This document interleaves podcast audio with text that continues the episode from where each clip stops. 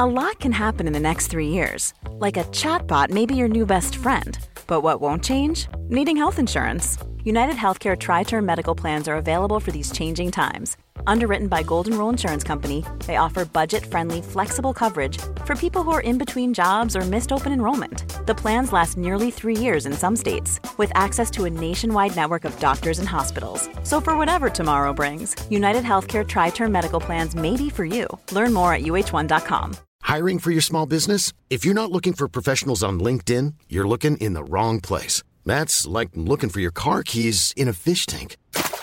LinkedIn helps you hire professionals you can't find anywhere else, even those who aren't actively searching for a new job but might be open to the perfect role. In a given month, over 70% of LinkedIn users don't even visit other leading job sites. So start looking in the right place. With LinkedIn, you can hire professionals like a professional. Post your free job on linkedin.com slash people today.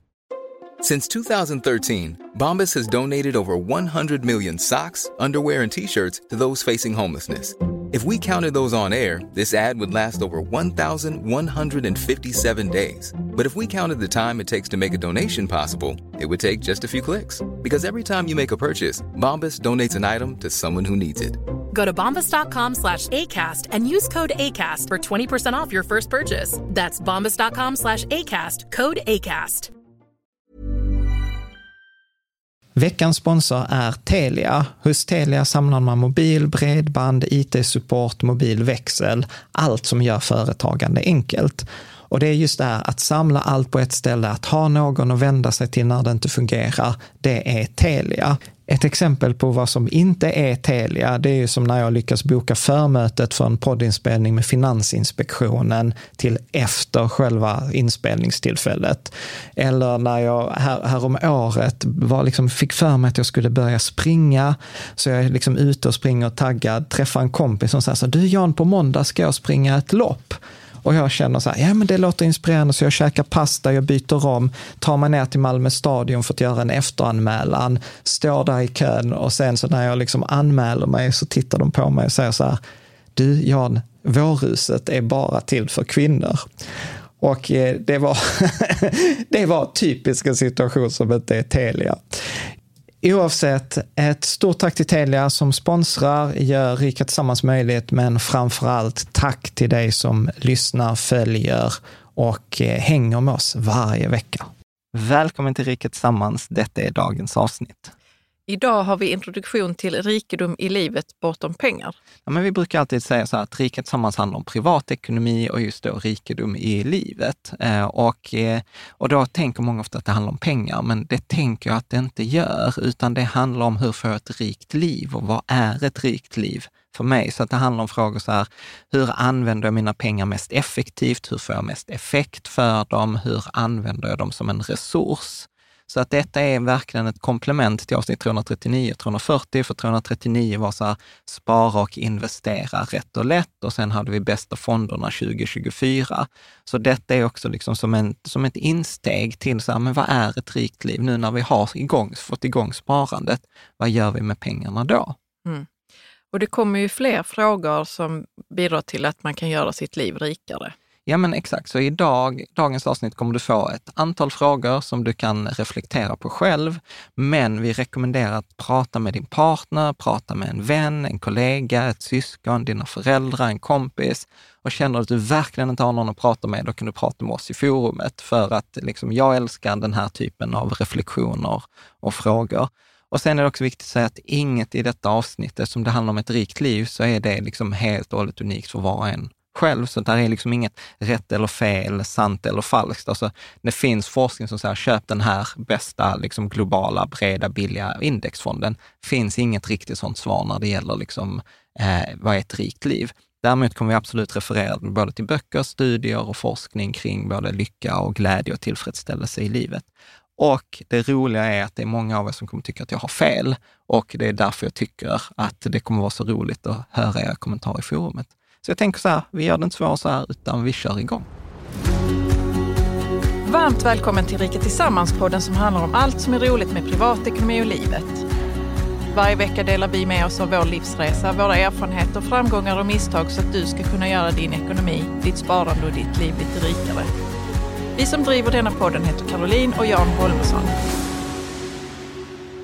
Varmt välkommen till avsnitt 341.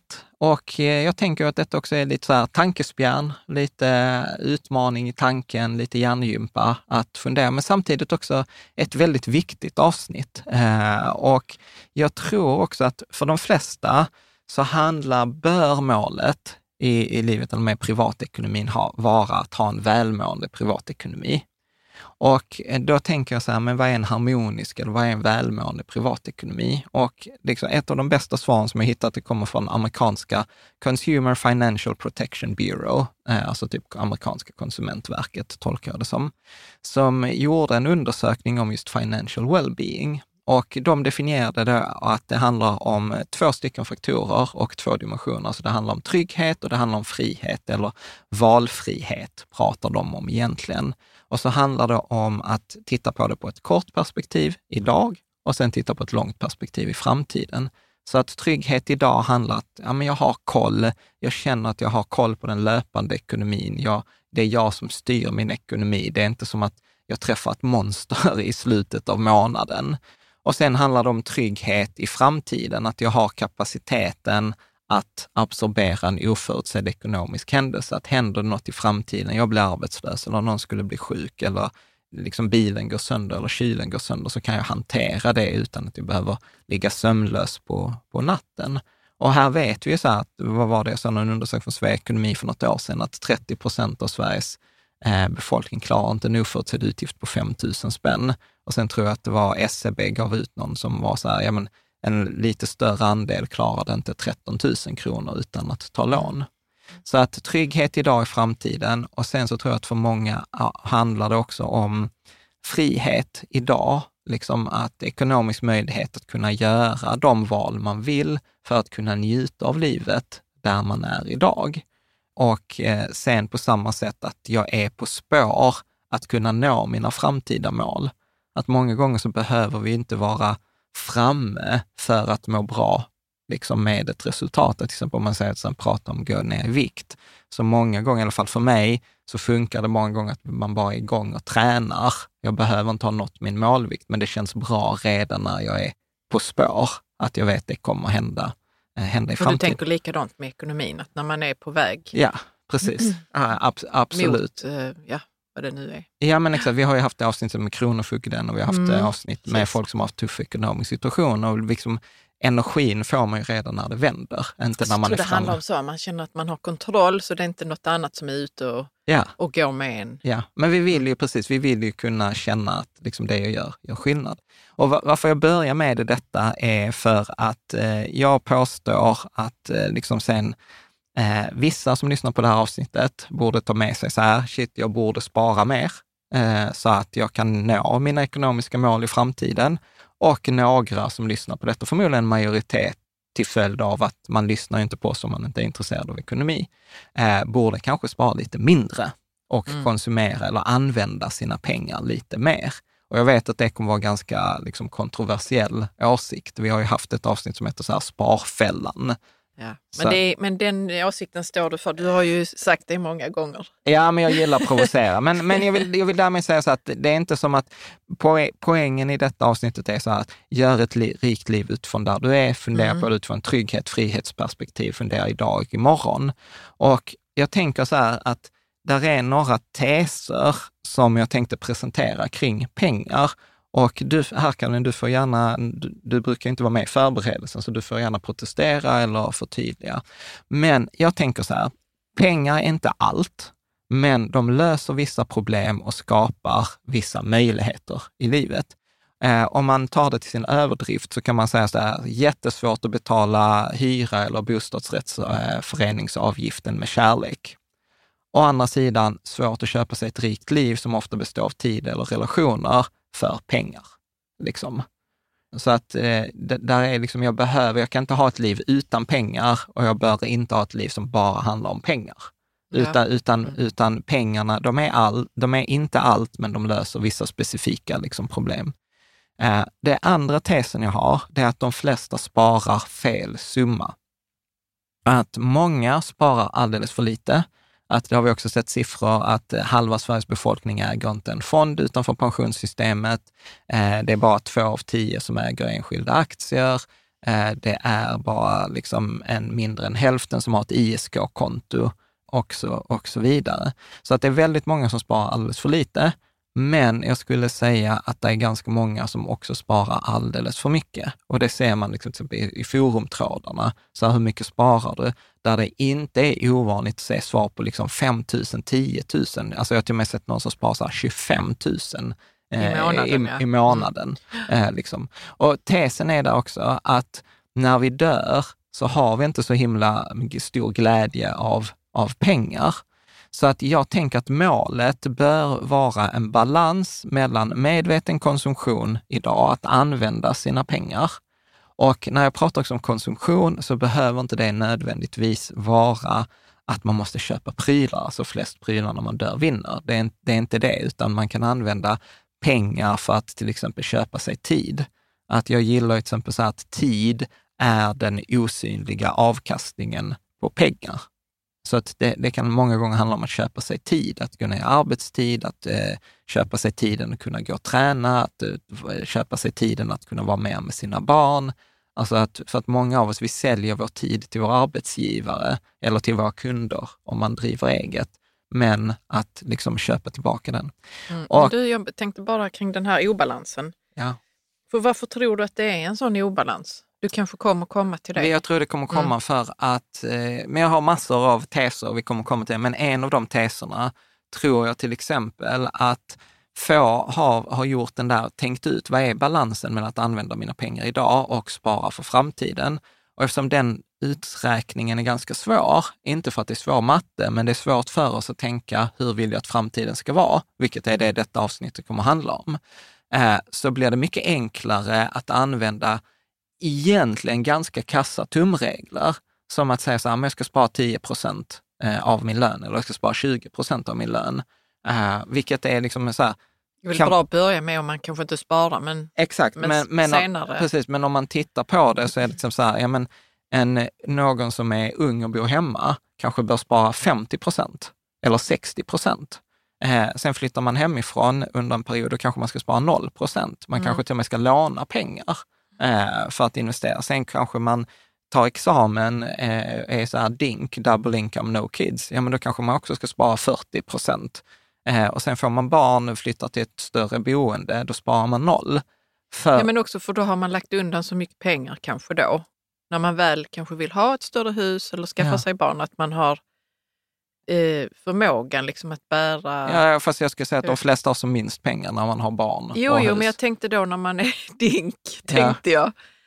För, för då är man ändå att man förbereder sig Exakt. för något annat. Men nu, just nu har jag, är jag dink, ja. men jag vet att det kan komma något annat ja, sen. Ofta bostad. Ja, precis, och ofta bostad. bostad ja. Ja, precis. Så det sen, kräver ju ändå lite så planering och ja, tankeförmåga men, kring Exakt. vad pengarna ska till. Liksom. Exakt, och det är därför till exempel när man sen är 50 och barnen börjar flytta hemifrån, kanske när man är 55, 65, ja, då kanske man ska spara mycket igen, för då vill man bygga upp till pensionen. Eh, så att man, man vill liksom balansera de här, man sparar olika i olika perioder. Men mm. det är mycket, mycket svårare att tänka kring.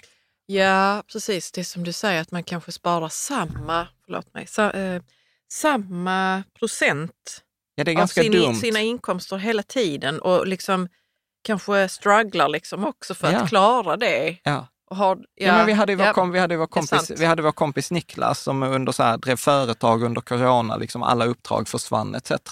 Och han var så här, skitjobbigt och sånt. Och jag bara så här, men du har en buffert. Ja, men buffert använder man ju bara så här, men det är nu du ska använda buffert. Alltså det är ju detta, coronapandemi, inga kunder. Ja. Liksom så, mm. så och, och, och varför, varför jag vill kasta ljus på detta, för detta är egentligen, detta avsnitt också en följd av det som Erik Strand sa till oss för många, många år sedan nu där han sa så här, men att han tyckte att det sämsta rådet inom finans var månadssparande. Och så skrattade han lite, men så sa han så här, jo men om det är så att vi sparar och sen har en hög med pengar när vi dör, då kan man fråga sig, har jag använt min tid och min energi på det smartaste sättet? Och det är väl detta som jag prat, kommer vi prata om nu, att det handlar inte om att inte spara, utan det handlar om att balansera de olika mm. resurserna. Mm. Och, och jag tror att det här att pengar, detta är den tredje tesen då, att pengar är en av flera resurser för att göra livet rikare och göra det möjligt att leva det liv man vill leva. Att leva det liv man älskar och älska det liv man lever. Så att det handlar återigen hela tiden om hela den här liksom, balansen, eh, ja. tror jag är jätteviktig. Och en av de bästa böckerna som vi har gjort flera avsnitt på, det är av Bill Perkins, Die with Zero. Så att jag kommer använda rätt mycket illustrationer från detta. Du som bara lyssnar behöver inte göra något annat, det är bara att lyssna med. Vi kommer beskriva eh, figurerna, men du kan också som vanligt ladda ner eh, bara bildspelet och bläddra igenom det i efterhand. Så i alla fall, så pengar är en resurs av eh, flera. Och här har vi använt en del illustrationer från boken Die with Zero eh, av Bill Perkins som vi gjort flera avsnitt om som jag tycker fångar det här mm. bäst. Och om vi tar då att pengar är en resurs av flera för ett, för ett rikare liv, så säger han till exempel att det är mellan 20 och 30. Ja, då har man ju lite mindre pengar, mycket tid och ganska mycket hälsa. Ja, men eller hur. Man är en frisk 25-åring. Man är liksom på toppen, man är, man är fattig student, man har mycket tid, eh, man har mycket hälsa. Liksom. Man har inte så här ont i ryggen. ja, men man, så här, man inte, ja. det, det, det som man brukar skämta, så här, träffar du en 50-åring, du, du, kan alltid fråga så här, hur är det med ryggen? liksom. ja, sen är man 30 till 60. Ja, men då har man kanske lika mycket tid som pengar och hyfsat bra hälsa också. Ja. Ja, så man precis, är i någon slags balans. balans ja. ja. precis. Och sen så när man är 60 plus, Ja, kanske lite sämre på hälsobiten. Mycket pengar och mycket tid. Ja, eh, så att detta liksom för, så det är lite en paradox också att vi har liksom fel resurs vid fel tid. Att när man har som Absolut. mest tid, hälsa, mm. när man är ung, då har man inga pengar. Och när man är gammal så har man liksom eh, mycket pengar, man har mycket tid, men man pallar liksom inte Man resa. kan inte åka till stranden mystik och visa upp sin kropp när man är 61, för man pallar inte det. Ja, men man, man skulle haft pengarna när man var 20 och ja, bara, men... nu åker jag. Ja men exakt, exakt. Mm. Uh, och, och där är en amerikansk uh, föreläsare, Peter Attia, som 2017 höll en föreläsning och då gav han en uh, följande fråga till sina åhörare. Och det lät så här, och du kan svara på vad du tänker. Yeah. Om du skulle bli erbjuden Warren Buffett, en av världens mest framgångsrika investerare, hans förmögenhet var alltså flera miljarder US-dollar, men det enda du behövde byta var hans ålder. Och han är 93 år gammal. Alltså jag skulle fått förmögenheten skulle fått för och, ålder. och hans ålder. Ja, hade och, och blivit 93 år. Nej, ja. jag hade inte tagit det. Nej, och jag tror väldigt få hade tagit det bettet. Liksom. Så att redan där märker vi. Och ska vi vända på det, tror du att han hade tagit att vara eh, liksom 47 och pank? Ja. Ja, eller hur? Eh, så, att, så där tänker jag att det blir ganska intressant, för att det är en ganska enkel fråga så märker vi så här, men vi värderar ju inte pengar högst. Nej, det gör vi ju inte. Nej. Ja. Nej, det är väldigt intressant. alltså vadå, vad tänker du? Ja, men det är inte så eh, liksom tankarna går, eller liksom narrativet går där ute, utan man tänker inte på det man redan har. Nej. Och det är kanske ungdom, eller hälsa. Ja. Eller familj. Alltså det är så sjukt. Ja. ja. ja. Eller hur? Nej men, eh, och, och eh, här tänker jag så här att även om de flesta av oss, liksom, de flesta av oss har möjligheten att kunna tjäna mer pengar i framtiden. Okay? Eh, men det är återigen, det är ingen av oss som har möjligheten att få tillbaka tid som redan har passerat. Eller hur? Mm. Men ändå så, liksom så här, är det ibland så att vi oroar oss för att slösa på pengar. Vi ska inte använda pengar till dumma saker. När vi egentligen borde oroa oss mer för att slösa på, eh, slösa på tid och möjligheter som vi har idag, som vi inte kommer kunna ha i, i framtiden. Mm. Så att det är liksom, jag kan tycka ibland är det så här felriktat, att vi oroar oss för spenderingen av pengar, men vi oroar oss inte av spenderingen av eh, vår tid. Och särskilt viktigt tänker jag att detta blir när man kan säga så här att man går i pension på sina minnen. Mm. Att när man ligger där och är liksom gammal och inte kommer kunna göra liksom så himla mycket, vad är det man kommer ha då? Jo, men då kommer man ju ha sina minnen och man kommer liksom utvärdera sitt liv utifrån de här upplevelserna man har varit med om i livet. Så jag tycker att äldre människor borde kunna ge mer råd. Alltså. alltså. Höja rösten. Ja. Nej, men seriöst så, så funderar jag nu på när jag jobbade på ålderdomshem när jag var i 20-årsåldern, fick jag några sådana här livsvisdomar? Alltså vet man fick säkert det. Mm. Ta vara på tiden eller passa på att göra saker. Mm. Men jag vet inte ifall jag lyssnade på det då. Nej. Nej man ska vara liksom typ snart 50 för att börja, börja fundera. passa på att göra saker. ja men exakt. Så, så att då kommer vi till ett par teser då kring lycka eller meningen kring, eh, för, för livet. Återigen, inget som är sant, falskt, rätt eller fel, en naturlag. Bara ett sätt att tänka som och de här sätten är ju som jag gillar. Det är inte ens som att du har skrivit under på de här. Men du, eh, så att jag tänker så här, ett rikt liv är unikt för oss alla. Men tänk om, eh, om lycka är, eller livet går ut på att ett, komma på vad som gör en lycklig och sedan om, göra det och omva, använda pengar för att omvandla pengar till lycka. Eller till det här som gör mig lycklig. Så nummer två, att tänk om lycka är att skapa minnen tillsammans med människor man tycker om. Eller liksom eh, sagt på ett annat sätt också, att, som detta är Bill Perkins eh, citat, tänk om lycka är att skapa minnen som man kan bli nostalgisk över som gammal. Och ett fjärde sista perspektiv är så här, tänk om lycka eller ett rikt liv eh, är att få lösa problem inom situationstecken som man själv gillar att lösa. Mm. Det kommer från Mark Manson i så här, boken The Subtle Art of Not Giving a Fuck. Ja, uh, den ja. ja. Uh, men som ja. handlar om att vi kommer alltid ha ett mm. antal problem. Ett problem kan vara liksom så här, okay, vad ska vi hitta på med familjen? Vilka problem vill man ha? Uh, liksom, mm. kunder, lösa problem på jobbet. Så att det är inte så här problem, uh, tappa energi, nej, utan så här, problem, så här, jag, vill, jag vill lära mig teckna, måla. Ja, men det är så här. Ja, men kanske eh, saker som gör att det känns meningsfullt. Jag tänker när du säger lycka på ja. alla de här, så tänker ja. jag istället så för mig själv i alla fall, ja. vad som känns meningsfullt för mig. Ja. För det är, inte, det, är inte, det är inte nödvändigt så att jag känner lycka Nej. i de ögonblicken, men något som känns som att tillvaron blir meningsfull. Ja, men exakt. Och det blir den ju om jag har sådana problem som jag gillar att lösa. Ja, och att skapa, skapa minnen. Liksom mm. så här, jag har ju lite gått all in på det här. Jag ja, det har du verkligen. och jag är mer för att lösa problem som jag själv gillar att lösa. Ja, men exakt. Uh, du, du skrattade, nu vill jag höra. Så ja, men du har ju, du, eh, nu har du skaffat den nya iPhonen ja. och sen så blev du liksom, du, jag tror inte du insåg ja. uh, vad som skulle hända när du gjorde det. För att du har ju hållit på och dratt på det skitlänge. Ja. Sen så när du väl skaffade den så, så kände du så, ah, men den här kameran, eh, den har ju liksom ändå livat upp min gamla hobby att ta foton. Ja. Och sen då i kombination med att Apple har en sån här dagboksfunktion nu där man kan lägga in foton, man kan göra någon liten anteckning och så, så har man liksom typ livet ja. där i den dagboken sen i form av foton och text om man vill. Ja. Så det är väl det som, som du har, du har ju gått igång på det och sagt kan du ska använda den här dagboksfunktionen. Jag bara, jag vet inte vad jag ska lägga in där, men det är nog inte samma som du. så ja, Ja, eh, det är väl, summerar väl ja, summerar, din känsla av att du super. gillar att göra, ja, skapa minnen. Ja, men det är super. Så här, alla som har en iPhone, om ni inte har testat, testa den här som kom i där iOS 17.2, så kom Apples egna dagboksapp. Och du vet, för mig var det så här, detta var ju så som Facebook var för 15 år sedan, men där skulle man ju lägga när ut det. Var bra, när Facebook eller? var bra. Man byggde sin livshistoria.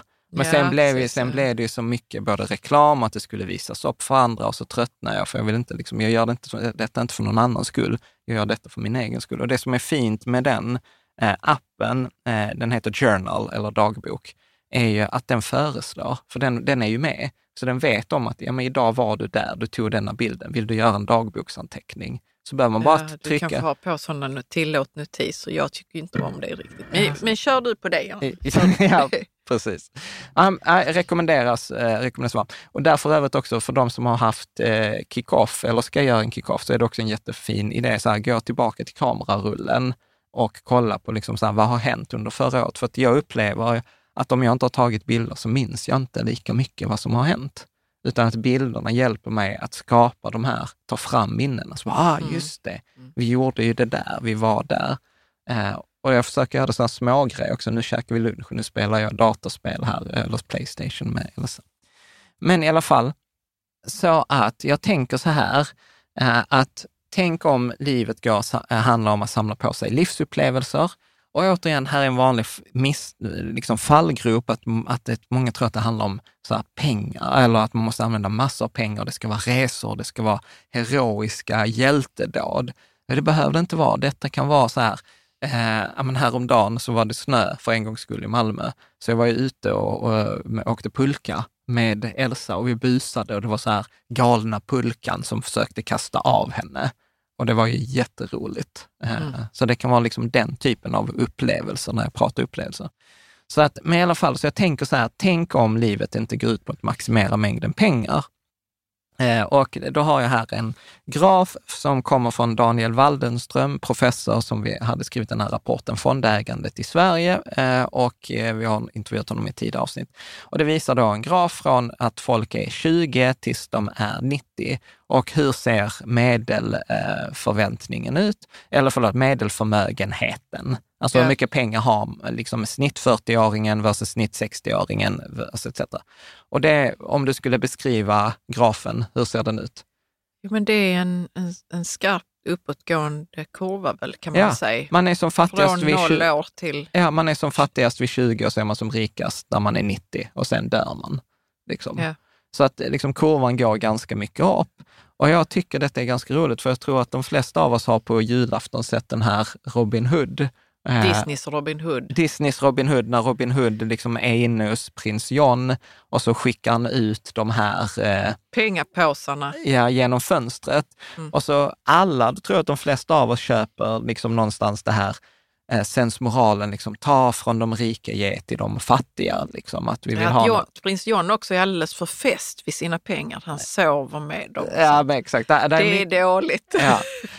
Och ändå så tror jag att de flesta av oss är mer som eh, John än ja. som Robin Hood. För att ja, när vi sparar eh, pengar, särskilt när vi översparar, så tar vi pengar från mitt fattiga jag idag och ger till mitt rika jag imorgon eller i mm. framtiden. Mm. Det är det vad Daniel Wallenströms graf visar.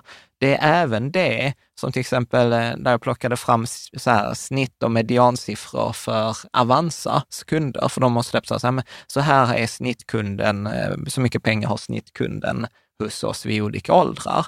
Och den är också så här, den bara ökar. Det, den är en kurva, den, det är så här ränta på ränta, den börjar på lite och slutar på mycket.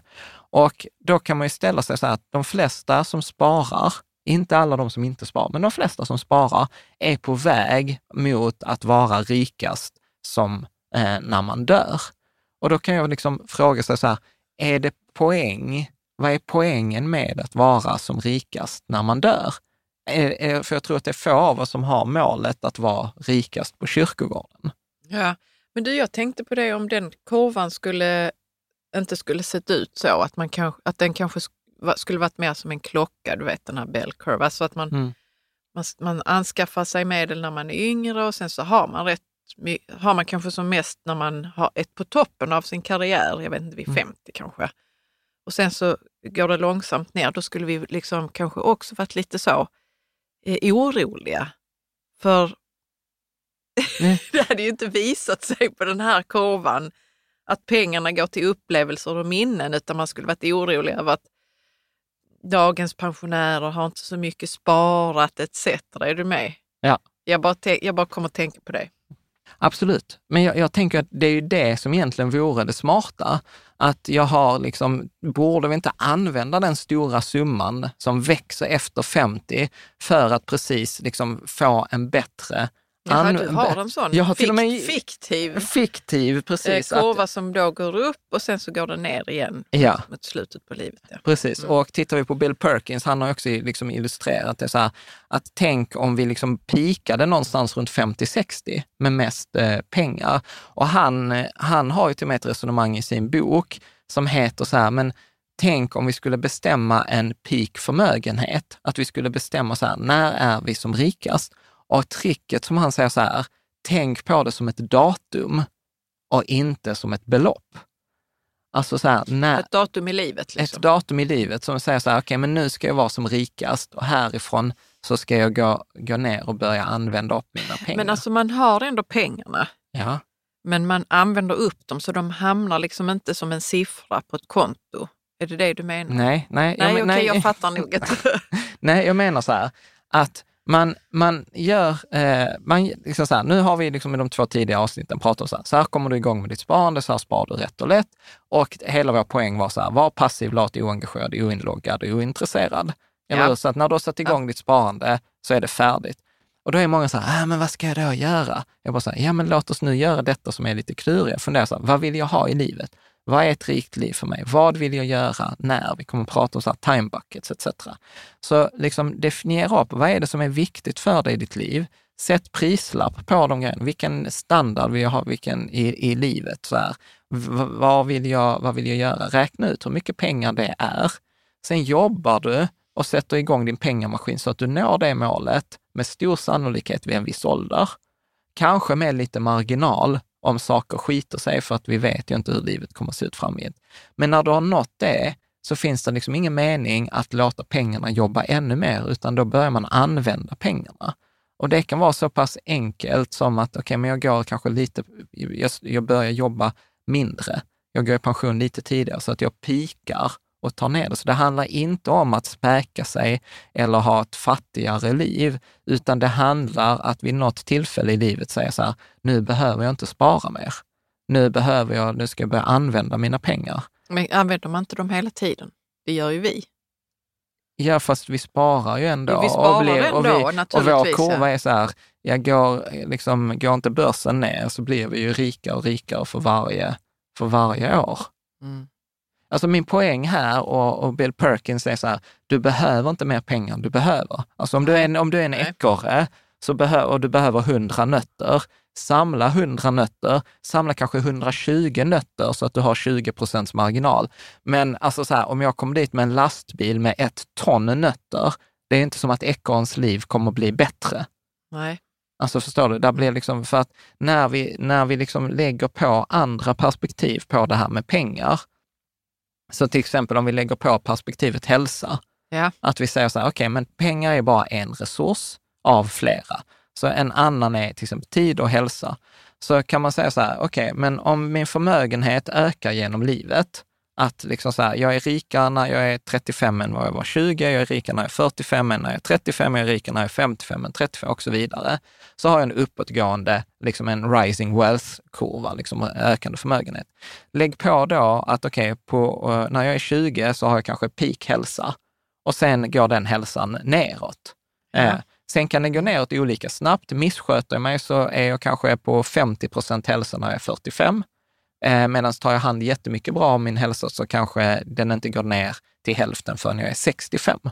Är? Men oavsett när jag tittar så går den ju ner.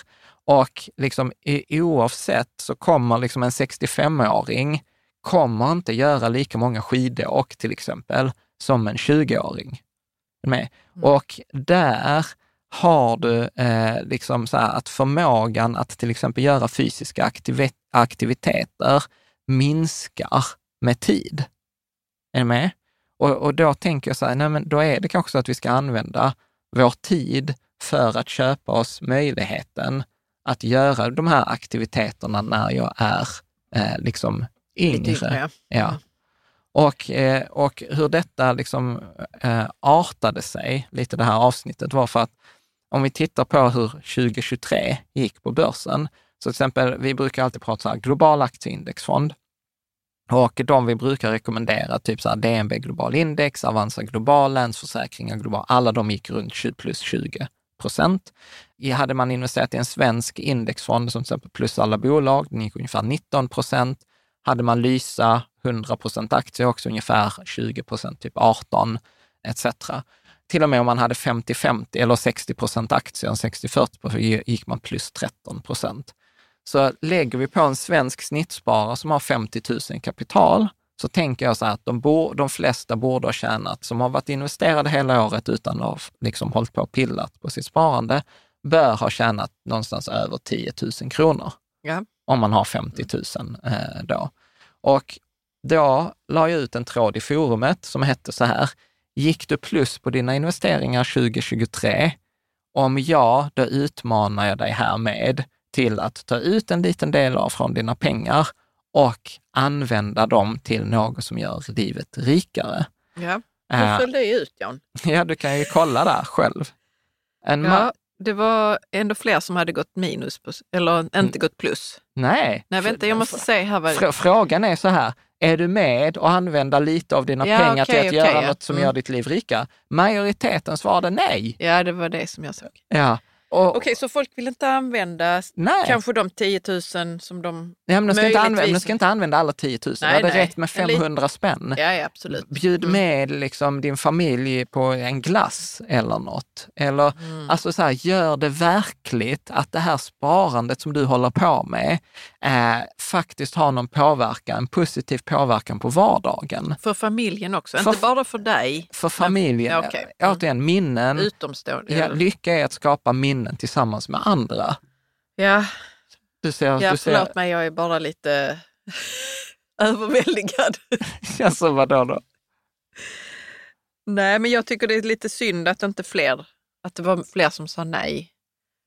Och sen så är det faktiskt en väldigt viktig tanke det du säger att det sparandet som jag håller på med, att det är inte bara någonting som pappa eller mamma gör, utan mm. det är något som får verkliga konsekvenser också, ja. som är trevliga i livet för resten av familjen. Ja. Det vill säga, gå på Pinchos eller något och, och så, här, detta har, denna middagen har våra, våra, våra pengar tjänat in. Ja, det alltså kan det... vi berätta för barnen och de ja. kommer nu undra så, hur då? Ja. Hur gick det till? Och så liksom? har man liksom ett samtal om pengar, alltså ja. också som fru, så här, eller så här, köp en flaska champagne eller en vinflaska. Alltså det handlar inte om så här, mer pengar, så här, det måste vara en resa. Nej, det handlar om bara att stanna upp, reflektera så här, jag har gjort något bra, mina pengar tjänat pengar, nu förflyttar jag det till verkligheten. Men hur eh, har de förklarat, de som som ja, ja. svarade nej, så varför, hur de resonerade? Var ja, det någonting? Ja, ja, men det var allt som bara, äh, jag har redan köpt eh, någonting i höstas, jag har bytt kylskåp. Jag var så här, alltså byta kylskåp, alltså, här, det måste vara det tråkigaste jag använder mina avkastningspengar till. För så här, du hade behövt byta kylskåpet i alla fall. Det har ju ingenting med avkastning på dina pengar att göra. Uh, och ja, det är tror, ganska osexigt faktiskt. Ja, och, jag, och, det är inget illa menat. Utan nej, så här, nej, det, liksom det är det inte, men det är osexigt att säga jag har redan köpt kylskåp. Ja. Uh, Okej. Okay. Ja, så, så att, eh, och, och jag märker, du vet, så här, jag hade en sån novemberutmaning i forumet också, som var så här, men vet du vad, denna månaden, eh, sätt inte in nya pengar. Ta ut ditt månadssparande och gör något roligt. Samma sak, du behöver inte ta ut dina pengar. Ta, liksom, sätt inte in nya pengar detta, denna månaden som kommer nu i januari eller i februari. Eh, etc. Och många är så här, nej men jag vill inte, detta är ju pengarna som jag ska ha för framtiden och som ska bygga min pengamaskin och sådant. Och då är vi tillbaka på det vi har pratat om tidigare, varför jag pratar om så här, pengar är inte allt, utan Nej. börja relatera det till på ett annat. Men det är väl som du säger i början här, att det blir lite tankespjärn. Ja. Så att man kan eh, få mer utrymme i huvudet ja. kring vad man kan Och du ska ändå inte hålla på och pilla med din portfölj. Då kan du lika gärna fundera på den här frågan. Ja. Eller på de här frågorna. Mm. Så att, och, och, här hade vi liksom en tråd tidigare eh, i forumet där HT-Guy, eh, Erik tror jag, eh, han, han skrev så här, varför, eller vad tror du är anledningen till att du sparar så mycket som du gör för framtiden? Vad tror ja. du är anledningen till att du sparar så mycket som du gör för framtiden? Sjukt bra fråga som man borde ta med sig. Alla, inklusive jag. Och jag tänker så här nu och framgent i avsnittet kommer vi ge ganska många sådana här frågor. Och du behöver liksom inte bara svara och sen gå vidare, utan så att ta med dig denna frågan i en vecka, i två veckor. Skriv ner den i kalendern. Eh, unna dig liksom tiden att fundera, att prata med din partner, prata med en vän, prata med syskon. Säg så här, vet du vad, jag lyssnade på en podd eh, eller tittade på en Youtube-video och då sa de den här frågan. Vad tänker du? Ja. Så till, ja. Man kommer ju kanske i kontakt också med känslor då. Ja, ja. jag tycker det är kul, men ja. jag tycker också inte om de känslorna som kommer. Ja. Så till exempel, du sparar ju ganska mycket. Så varför tror du att du sparar? Ja, för att jag är rädd för vad som ska hända. Jag vill ha sån här eh, krockkudde för framtidens alla katastrofer som kan ske. Mm. Yeah. Det är nog faktiskt nästan det enda. Men sen så skulle jag vilja svara, eh, ja för att eh, vi sparar till eh, att, allt, att kunna åka på skidresa varenda år. Mm. Det skulle jag vilja säga. Och ändå hade vi inte skidresor planerat nej, innan vi, vi gjorde inte... kickoffen, avsnitt nej, 334. Visst, visst. Vad tänkte du kring det då? Nej, men att, att jag tror att du är också en av de som översparar. I'm Sandra and I'm just the professional your small business was looking for. But you didn't hire me because you didn't use LinkedIn jobs. LinkedIn has professionals you can't find anywhere else, including those who aren't actively looking for a new job but might be open to the perfect role, like me. In a given month, over 70% of LinkedIn users don't visit other leading job sites. So if you're not looking on LinkedIn, you'll miss out on great candidates like Sandra. Start hiring professionals like a professional. Post your free job on linkedin.com/people today. One size fits all seems like a good idea for clothes until you try them on. Same goes for healthcare. That's why United Healthcare offers flexible, budget-friendly coverage for medical, vision, dental, and more. Learn more at uh1.com. Many of us have those stubborn pounds that seem impossible to lose, no matter how good we eat or how hard we work out. My solution is PlushCare.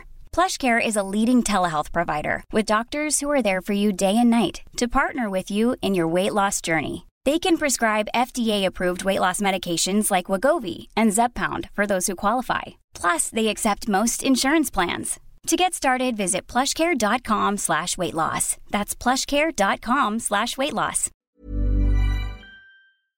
Ja, jo, jo, men nu, nu så kan jag ju åka på skidresan för att jag har översparat. ja, Eller? Ja, absolut. Tänker jag fel? Nej. Nej. Mm, nej, vi har, ju, vi har ju med flit gjort så här. Vi har tagit ut och sen var det så här, oj vad mycket pengar det blev. Men, till skidresan. Ja. Till skidresan. Men så känner vi så här, nej men det är värt att göra det. Ja. Så det, det var mm. tvungen att utmana det här tankespjärnet, gå ut på det här jobbiga, för det är enklare att spara. Det är mer rätt att spara. Och det är så här, jag kommer inte ens lida den veckan om att vi inte åker på så här. Nej. Det kommer bara vara samma ja. i livet Exakt. som det har varit innan. Ja. Ja, Medan jag var också så här, tänk vad mycket fina bilder, jag kommer ihåg upplevelser, Elsa som ska åka i förväg. Och det kommer vi också in... Vad, vad, sa du, Elsa som ska åka i förväg? Nej, men, alltså, vårt barn som är fem år. Som ska åka skidor. Som ska åka skidor, Och hur roligt vi har haft redan nu att vi har testat skidglasögon och vi pratar om ja, skidresa ja, ja. och vi pratar om... Mm. Och gör, så, att, så att vi har börjat hämta energi från den resan redan nu, trots att det är flera, veck oss, ja. Ja, trots att det är flera veckor. Så att jag påstår att skidresan har ju redan gjort vårt liv rikare idag. Mitt svar är så här, vi har gjort ett helt avsnitt på det där med ekonomisk oro. Så för mig handlar det också om oro. Och då kan man också fråga sig, okej, okay, hur mycket av denna oron är relevant och hur mycket är bara så här, som på engelskan har det här uttrycket fear, som jag gillar, false evidence appearing real. Att det är så här, det är en känsla, men den har egentligen inte något i verkligheten att göra. Så att om vi då hoppar tillbaka till Bill Perkins, så säger han så här, men tänk om att istället för att ha en ganska så här jämn spenderingskurva genom livet. Tänk om vi liksom pikade spenderingen någonstans mellan 50 och 60. Att det är där, för där brukar vi hamna i det att vi har pengarna, vi har barn som kan ofta till exempel vara med på många olika upplevelser och sen drar vi det neråt så att vi får ner den här förmögenhetskurvan. För att vi får ner förmögenhetskurvan genom att spendera eh, eller, och använda våra pengar. Uh, och, uh, och, då, och då vet jag här att så här, att för att provocera lite om jag ska säga tankespjärnet, så skulle jag säga så här, men ett rikt liv handlar inte om hur lite du kan spendera. Ett rikt liv handlar inte om hur lite du kan spendera i livet. Och jag vet om när jag säger detta så kommer jag få liksom så här, Jan för helvete, liksom, och, och det kommer vara liksom lika mycket förfasning som att man blir arg. Och, och så här, men jag spenderar bara 180 000 kronor per år uh, och jag lever gott på det och är FIRE. Vi har ju haft människor som är jätteduktiga på att uh, ha låga, låga utgifter. Och det men kanske det, funkar. Det, det, är de och jag känner mig inte som en av dem kan jag mm, säga. Nej. Tyvärr inte. Nej, och då är vi tillbaka. Det betyder inte att de gör fel. Eller Absolut att vi gör inte. rätt. Utan det, då är vi tillbaka på så här, vad är ett rikt liv för mig? Mm. Eh, och, och då är det till exempel för oss här, ja men eh, om vi tar vår eh, skidresa. Vi hade alternativet köra upp med bil, eh, liksom tio timmar i bil. Eller så var vi så här, okej, okay, vi kan köra tio timmar i bil. Det blir liksom två dagar upp förmodligen eftersom vi, vi har barn. Eh, och sen ner, eller så är det så här, vi flyger på en och en halv timme. Liksom Malmö-Sälen. Ja. ja. Och då var det så här, ja det kostade 8 000 kronor. Så att där har vi ju direkt lagt högre utgifter, men det passar oss bättre. Vi värderar den en och en halv timmen på flyg gentemot tio timmar i bil. Och jag hade haft så här, så här kommer vi hitta en laddstolpe? Och hade jag väl förmodligen haft lite så här räckviddsångest. Så att, så att min poäng här är inte att spendera för spenderandets skull, utan tvärtom. Det finns studier, från exempel jag såg någon från Cambridge som handlar om så här, att människor som spenderar i linje med det som sin psykologiska profil har upplevt större nivå av tillfredsställelse och lycka än människor som inte gör det. Så återigen, användningen av pengar ska vara medveten, den ska vara i linje med det som jag brukar kalla för en livskompass. Och här påstår jag då att detta är tesen som jag och min kompis, eller vår kompis, eller vår vän Moa Diseborn brukar prata om, att ett rikt liv vilar på tre ben. Och detta är hennes metafor om en dyktalb. Så att här kan man ju ha lite frågesport om det är någon som vet vad en dyktalb är för någonting.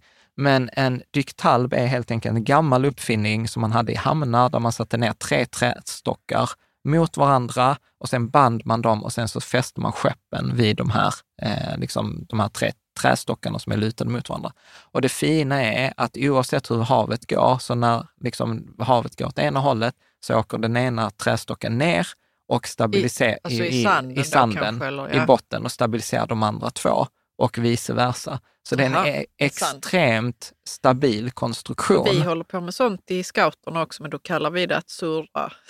alltså. men de är det, där är det står det också väldigt stabilt kan ja. jag säga. Mm. Ja, men det, det, är liksom, och, och då, då, på, liksom så här, då påstår vi, efter att liksom så här, när jag och Moa har jobbat med både utbildningar och med klienter, att det första, eh, den första trästocken i den här dyktalben, det första benet, är en livskompass.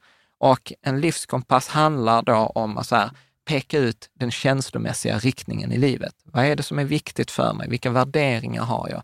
Vad, eh, vad är min eh, intention i livet? Vad är mina grundläggande egenskaper? Vad får mitt hjärta att sjunga? Hur ser en ideal period i mitt liv ut? Alltså så, här, så att jag kan känna efter.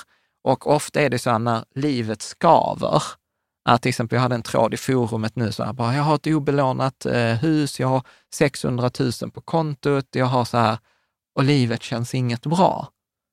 Då är det ofta att liksom så här, ja men pengarna finns där etc. Men livskompassen, du går inte i linje med din kompass, du går inte i den riktningen Nej. som, Nej. Ditt, som liksom din, ditt undermedvetna eller din känsla liksom vill. Så att livskompassen, det är det liksom första. Den andra delen handlar ju då sen om, när jag vet var livskompassen pekar, att skapa liksom en sån här ekonomisk livsplan. Alltså här, när behöver jag vilken summa? Jag vill göra en skidresa om året eller jag vill kunna bo i Frankrike eller jag vill köpa ett fritidshus. Jag vill kunna jobba deltid när barnen är små. Jag vill kunna gå i pension när jag är 58 eller vad det nu än må vara. Helt och hållet unikt för var och en. Men att liksom göra den här planen och så sätta in det, liksom så här, okay, här är mitt liv, jag är 42 år gammal, här dör jag när jag är 100, här vill jag uppleva de här sakerna, sätta prislapp och sen göra beräkningen. Så här mycket kommer jag få i pension, så här mycket pengar kommer jag tjäna, så här mycket pengar kan jag ta ut från mina eh, investeringar. Det låter som jättemycket jobb, Jan. Ja, men, jag jag, jag bara det, skojar, men det blir liksom så att man kan bli lite överväldigad kanske? A, absolut, men å andra sidan så tänker jag två grejer. Ett är att eh, vad ska du ändå göra när du ändå, liksom, om du är intresserad av lite ekonomi och du inte ska ja. pilla på ditt sparande. Ja. Nummer två, detta är ett engångsjobb. Nummer tre, du behöver inte göra detta själv. Utan jag kommer att prata sen, vi har lite så här Riket Tillsammans-programmet där vi gör detta, men vi har också liksom det är ju massa avsnitt eh, och frågorna, många av de frågorna i, du får i detta avsnitt handlar ju om livskompassen. Liksom, ja, ja, man kan ju, man, det behöver inte gå så snabbt. Nej, man kan låta nej, det ta tid. Kanske. Ja, och återigen, det är ett engångs, i stora delar ett engångsjobb som du sen behöver uppdatera. Och ja, jag tycker alla borde lägga sig, göra den tid, mm. lägga den tiden. Eh, och som sagt, vill man göra det med oss så kan man göra det med oss så hjälper vi till. Vill man göra det med någon annan eller göra det själv så går det alldeles utmärkt. Men jag påstår att, att gå igenom livet, så här, eh, när jag jobbar på ett annat företag så brukar vi säga så här, eh, det är mycket enklare att skapa sig sin framtid än att försöka förutse den. Och jag tror att väldigt många av oss säger så här, det blir vad det blir. Medan jag är lite så här, låt oss vara mer intentional. Låt oss ha en intention kring hur vi vill att det ska bli.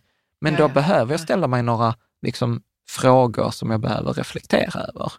Uh, och ja, det är svårare att sätta igång ett sparande på en indexfond.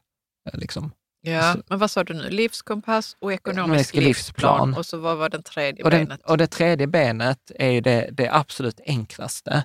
Det är ju det så här, finansiella planen. Hur investerar jag mina pengar för att få dem att räcka till livsplanen? Och det fina är att livsplanen kommer berätta för dig, så här, du behöver så här mycket pengar, då kan vi räkna baklänges. Ja, då måste du spara så här mycket eller spara så här lite. Och eh, för vissa är det så här, du behöver spara mer för att kunna ha det livet du vill ha. Och för vissa kommer det vara så här, sluta spara för helvete, utan använd liksom pengarna.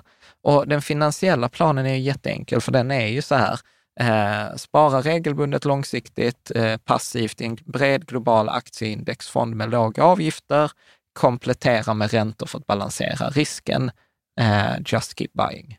Det är den finansiella planen. Men ofta så går vi till finansiella rådgivare för att få hjälp med det. Vilken fond ska jag köpa? Istället för att be om hjälp med så här, hjälp mig ta fram min livskompass, hjälp mig ta fram min ekonomiska livsplan, ja. tänker jag. Bra. Ja. Är det något annat du Nej. tänker? Bra, och jag tror att i grunden så, så handlar det om att ställa sig, nu kommer en sån här fråga, att fundera över till, då, till både livskompassen och livsplanen. Om du hade en liten pengamaskin som gav dig liksom någon hundralapp eller någon tusenlapp extra, vad skulle du gjort mer av i livet? Alternativt, vad skulle du göra mindre av i livet? Och, eh, och detta är egentligen samma fråga som heter så här, varför tycker du det är viktigt att spara? Så att eh, du kan få svara. Vad, vad skulle du? jag gjort mer av? Ja. Jättesvårt att svara på sån här uppstuds liksom. Så jag gör ju redan bra de grejerna som jag vill. Liksom. Jag ja. har inte någon sån tidspress i tillvaron, jag har inte någon ekonomisk press. Så jag är väldigt nöjd så. Men om jag hade, låt säga att jag hade jobbat på något annat ställe 100% då hade jag gått ner i tid. Mm. Det hade ja. jag gjort. Ja. ja, precis. Att ha, till exempel ha mer tid för sina hobbys eller sina intressen, eh, tänker jag.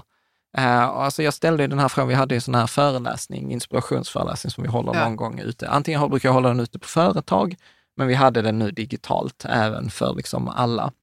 Uh, då fick vi in 400 svar uh, i en sån här ordmoln, Wordcloud. Och du kan ju läsa några, vad, vad de hade skrivit. Den som flest hade svarat då var jobba mindre. Ja. Och resa mer kanske? Jättemånga resa. som har skrivit rest mer, resa mer, resa. Eh, många skriver så här, mer frihet, frihet, spelat golf, äta ute, oroa mig mindre. Spelat golf kan det inte vara så många som Jo, golf. Du ser golf där Va? under jobba mindre, ja, ja. golf. Ja, eh. Man trodde det var en sport på utdöende, men ja, icke. Nej. Mer tid med familjen, spara för framtiden, familj, ha roligt, tid med mina barn, tid med barnen. Jag tror så här, anledningen till varför inte barnen sticker ut med för att den räknar inte ihop tid med barnen eller ha roligt med barnen. För det är två olika ord. Så, den summerar... så då vill han inte att det ska vara samma? Nej. nej. Spara till huset, eh, ja, hobby. Eh, jobba mindre sticker ut jobba som mindre, den största. Ja, men absolut. Och barnen och resor, skulle jag säga. Restaurang, äta, unnat mig. Eh, ja, så jag tror att det är väl liksom där det handlar för stressa mindre. Eh, är det också många som har skrivit. Äta gott, skapa egna projekt, köpa tillgångar hade någon gjort, sluta jobba tidigare. Ja, du ser. Eh, och jag tycker detta är liksom värdiga mål. Detta är ju saker som verkligen gör livet rikare. Eh, och då tänker jag också så här att, att även då om, om jag säger innan så här att livet inte handlar om hur lite du och jag kan spendera, så tror jag att många av oss har ganska mycket regler kring vår ekonomi. Men många av de här reglerna handlar om vad jag inte ska göra eller vad jag ska undvika. Så här, gör, ta inte sms-lån, eh, handla inte på kredit. Eh, alltså du vet, vi har massa sådana. Eller så några av oss som hänger mycket i communityn, vi har mycket regler kring sparande. Så att jag ska ha en buffert på så här många månader, så jag ska ha så här mycket i den hinken, jag ska spara x procent i månaden. Eh, pengar inom 0 till 2 år, 100 procent bankkonto, pengar 10 år plus eh, aktieindexfond. Alltså vi har många sådana här regler, men vi har ganska få regler kring hur vi ska använda våra pengar. Mm. Än mer kring hur, hur, man ska spendera sina, eh, sina pengar på ett medvetet och ansvarigt sätt. Och, och, här tänker jag också att man kan titta på forskningen. Eh, för att det har gjorts jättemycket forskning. En av de roligaste studierna som jag gillar, tror jag gjordes 2010, där var liksom titeln var så här, om inte pengar gör dig lycklig, då använder du dem fel. Eh, och så sa de så här, liksom, det är inte konstigt om vi har till en person som aldrig har eh, liksom, samlat på viner, så är det inget konstigt att den personen kommer vara ganska dålig på att köpa viner. Medan en person som har tränat, har en stor vinsamling, gjort det i många år, kommer att vara mycket bättre på att köpa viner och få mer vin för sina pengar. Ja. Att, att, det vill säga deras poäng var att få ut lycka för sina pengar är en erfarenhet och en träningsgrej. Eh, det är inget vi är duktiga på från, från början mm. och många har liksom trillat i många fällor och därför tycker de inte att pengar gör mig inte lycklig. Men vad då för fällor till exempel? Ja, men man har eh, till exempel, så säger de här i den här rapporten, vi har gjort ett avsnitt på detta, 116, där vi pratar om det i två timmar nästan. Eh, men så här, köp, köp upplevelser hellre än materiella saker. Till exempel så här, hur länge känner vi den här goa känslan av en ny bil? Ja, det är så här 14 dagar. Eh, sen, sen är det bara som liksom vilken eh, grej som helst. Att vi känner ofta för materiella saker så känner vi bara en tillfredsställelse där när vi använder dem. Sedan tappar vi bort dem, medan en upplevelse har vi ju ofta någonting att se fram emot, så som vi berättade nu om skidresan. Eh, Jag hade någon i Riktsammansprogrammet som också bestämde sig för att lägga pengar på en resa med familjen, bjuda sin syskon och åka med barnen, för det var liksom så här sista chansen innan barnen flyttade hemifrån. Och de var så här, det var så fan, vi hade nedräkning och vi hade stor kalender och vi pratade om vad vi skulle göra där. Och det var en grej innan. Sen hade de själva semestern som var fantastisk och sen har de pratat om det typ varje gång de har träffats efteråt. Så du får mycket mer emotionell avkastning på en upplevelse, särskilt som ligger i framtiden. Eh, och som man gör tillsammans. Och som man gör tillsammans med andra. Så att det är liksom, mm. då har man liksom stackat massa så positiva eh, avkastningsfaktorer. Mm. De säger också så här, hellre många små nöjen istället för få stora. Så att gör någonting hellre liksom flera gånger med, som kostar mycket mindre. Gå hellre och spela bowling, nu bara hittar jag på, fem gånger, än den där eh, helgen på Liseberg, mm. eh, som är engångsgrej. Så hellre många små nöjen istället för stora. Att unna sig då och då eh, var också en annan grej. Eh, var så här, betala nu och, och konsumera sedan. Så att inte göra tvärtom som många gör. Mm. Utan eh, så att när du upplever den här upplevelsen, till exempel semestern eller att du är ledig eller så här, då har du liksom redan betalat. Ja, så den kommer inte på eftersläp sen Nej. på ett negativt sätt? Nej, exakt. Men det som jag ibland hör det är eh, mammor eller pappor som tar fredag ledigt och går på badhuset med barnen. Det är en ja. typisk sån grej tror jag ja. som är liten. Ja. Man köper sig tid och man gör någonting tillsammans. Ja. Och så har man det som och så tar man positiv lite, upplevelse. Och så tar man lite bilder och sätter in det i sin dagbok så får du dessutom avkastning på det som gammal. Inte inne i badhuset, men visst. Eh, ja. Uh, exakt. Nej, men, och där har vi också nästa så här, var generös mot andra. Att många gånger kan det vara svårt att vara generös mot sig själv men det är mycket enklare att vara generös mot barnen. Men där brukar någonstans också den här generositeten sluta. Och där är ju verkligen ett tips också från Rikt Sammansprogrammet nu under 2023, så hade en deltagare som sa, vi har en god ekonomisk situation, men det är typ ingen som har råd att göra de grejerna vi vill göra. Och det var så här, men eh, så min insikt var så här, jag ska bjuda med min bror och hans familj. Ja. Och jag tyckte det var så jättefan, det var så här, det är den bästa resan vi har gjort. Att plötsligt så kunde man liksom utöka det här och ge bort till någon annan. Och det gav väldigt, väldigt mycket liksom livsenergi. Det gav väldigt mycket minnen. Det gav väldigt hög avkastning på de eh, använda pengarna. Så att detta är, detta är, liksom, detta är kombination. Det finns en bok som heter uh, Happy Money, The Science of Happier Spending. Mm. Så jag tror vi kommer komma tillbaka och göra ett avsnitt i framtiden av den. Och sen den här, if you're not spending, uh, uh, if your money doesn't buy happiness, you're probably spending wrong. Avsnitt 116. Och detta är också då ett resonemang från Bill Perkins bok, att han säger så här, men eftersom vi inte tar med oss pengarna när vi dör, tänk om livet är ett spel där vi ska samla på så här life experience points, alltså vi ska uppleva de här sakerna. Och sen säger han så här, jo, jag fattar att det kan låta konstigt, men många som är intresserade av pengar fattar grejen att pengar kan ge avkastning.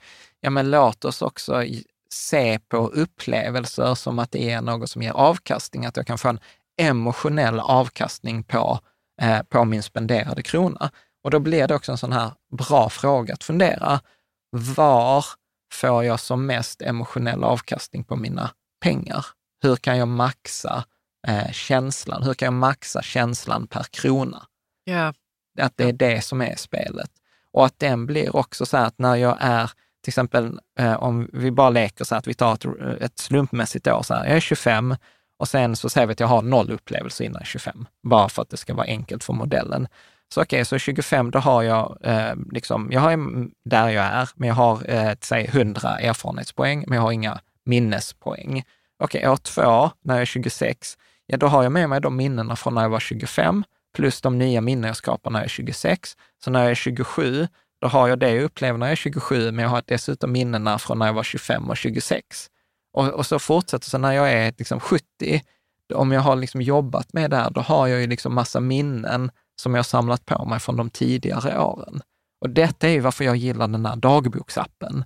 För att jag vet att detta spelet kommer att göra det, att jag kommer känna att jag har mycket mer erfarenhetspoäng och minnespoäng. Ja, du, kommer uppleva, du kommer uppleva dem om och om igen. Ja, ja och att jag ser det att när jag gör det där dagboksinlägget i den här, så är det precis som när jag månadssparar. Jag ja, månadssparar in ett minne i den här som jag sen kommer kunna liksom scrolla i. Ja, du ja, ja men absolut. Nej, men absolut. Men jag tänkte på det där med att uh, man ibland får så mängdrabatt när man ska göra saker. Uh, uh, eller inte mängdrabatt, grupprabatt kan man väl säga. Mm. Eller är ni två så går ni för detta priset som är billigare ja. än om du går det. Alltså ja. det är ju också ett, ett schysst sätt för de som då säljer någon upplevelse eller sådär. Ja hjälpa en att uppleva något tillsammans med någon annan, kom jag på. Ja, ja men absolut. Ja, men så är det För ofta är det så att man får ett bättre pris om man är många. Ja. Om man nu tycker om att göra saker i grupp. Jag kommer att göra någonting med vår tolvåring. Ja. Lärde oss längdskidåkning i, i, när vi åker på skidresa. Alltså först tänkte jag att jag skulle göra det själv. Ja. Eh, och sen så började jag förstå nu att, att vår tolvåring börjar bli tillräckligt stor för att hänga med på allt möjligt. Liksom, som man själv då innan tyckte så, men de är för små barnen och jag får ja. göra det själv. Och då fick vi också grupprabatt. Ja, ja. eller hur? Ja, ja. Jag, men jag har aldrig tänkt på det nu förrän vi pratar om det ja. nu vid detta tillfället. Ja. Så att jag gillar ibland så här, vi har kompetensen tänka i månadssparande, tänka långsiktigt, tänka uppskjuten belöning, tänka ränta på ränta. Ja men bra, vi tar den kompetensen och så gör vi den på minnen och emotion och liksom maxa avkastningen, fast i ett annat område. Och det är det jag tänker att pengar är bara en resurs av flera. Och så, så här kan man ju tänka kring energi etc. Så att jag tänker återigen om vi skulle säga så här, vi pratar alltid så här, bästa tillfället börja spara var 20 år sedan, näst bästa tillfället är idag. Alltså du vet, börja tidigt, börja så tidigt som möjligt med ditt sparande. Samma sak med dina upplevelser. Börja fundera på vilka upplevelser du vill ha i livet och hur ofta. Och börja fundera på dem redan idag. Och det kan vara stora upplevelser, det kan vara små upplevelser, det kan vara dyra upplevelser, det kan vara gratisupplevelser, de kan vara hedniska eller eudamoniska. Jag var tvungen att ta med och tyckte det var ball. Hedniska är så här tillfredsställelse direkt och eudamoniska är så här uppskjuten belöning. Ja, ja, okay, ja. Okay. Mm. Men poängen är så här, börja tänka på dem redan idag. Vad vill jag uppleva? Vad vill jag vara med om? Och återigen, nu har jag sagt det tjatat om, det behöver inte vara liksom så här medelklassgrejen i Sverige, äh, jag ska åka till solen. Detta kan vara så här, åka pulka med, med barnen, hämta barnen på dagis tidigare, eh, ta en promenad, ha middag med dem på söndagar, eh, åka och hälsa på. Alltså så här, återigen, Riket Tillsammans-programmet. Eh, för att det, det, där har jag liksom under hela 2023 haft den här konversationen gående med eh, dem. Då hade jag ett par i Göteborg som har en jättefin ekonomisk situation. De har sålt sitt företag, har pengar, jobbar kvar i det. Och var så här, nej men jag har liksom de senaste tio åren, liksom all fokus gått till företaget eller till barnen och liksom familjen, men jag har inte hunnit träffa så många vänner. Och nu har jag mina vänner, de bor i en annan del av landet. Och så var jag så här, för man kan inte åka och hälsa på dem. Och de var så här, ja, ja, nej, jo. Ja, men så här, varför, varför bara liksom göra en sån här crazy grej? Bara så här, ring till dem så här, vet vad, imorgon så kommer vi upp, jag kommer upp till Stockholm och så tar vi en fika. Du vet, så här, det hade ju varit att använda sina pengar, köpa sig tiden att åka iväg, träffa sina kompisar, du vet, en vardag. Uh, det, det, är ändå inte, det var bara någon timme med tåg. Ja. Alltså förstår du? Mm. Så att det kan, vara, det kan vara den typen av upplevelser också. Det kan vara att träffa sin, sina föräldrar. Alltså, du vet, det är också så här, räkna hur många gånger du träffar dina föräldrar per år. Det kan vara tre gånger, eh, säg per år, man träffar sina föräldrar för vissa. Eh, om de är 70 eller 60, ja då har du kanske, tills de, om de lever tills de är 85, då har du 25 eh, år kvar.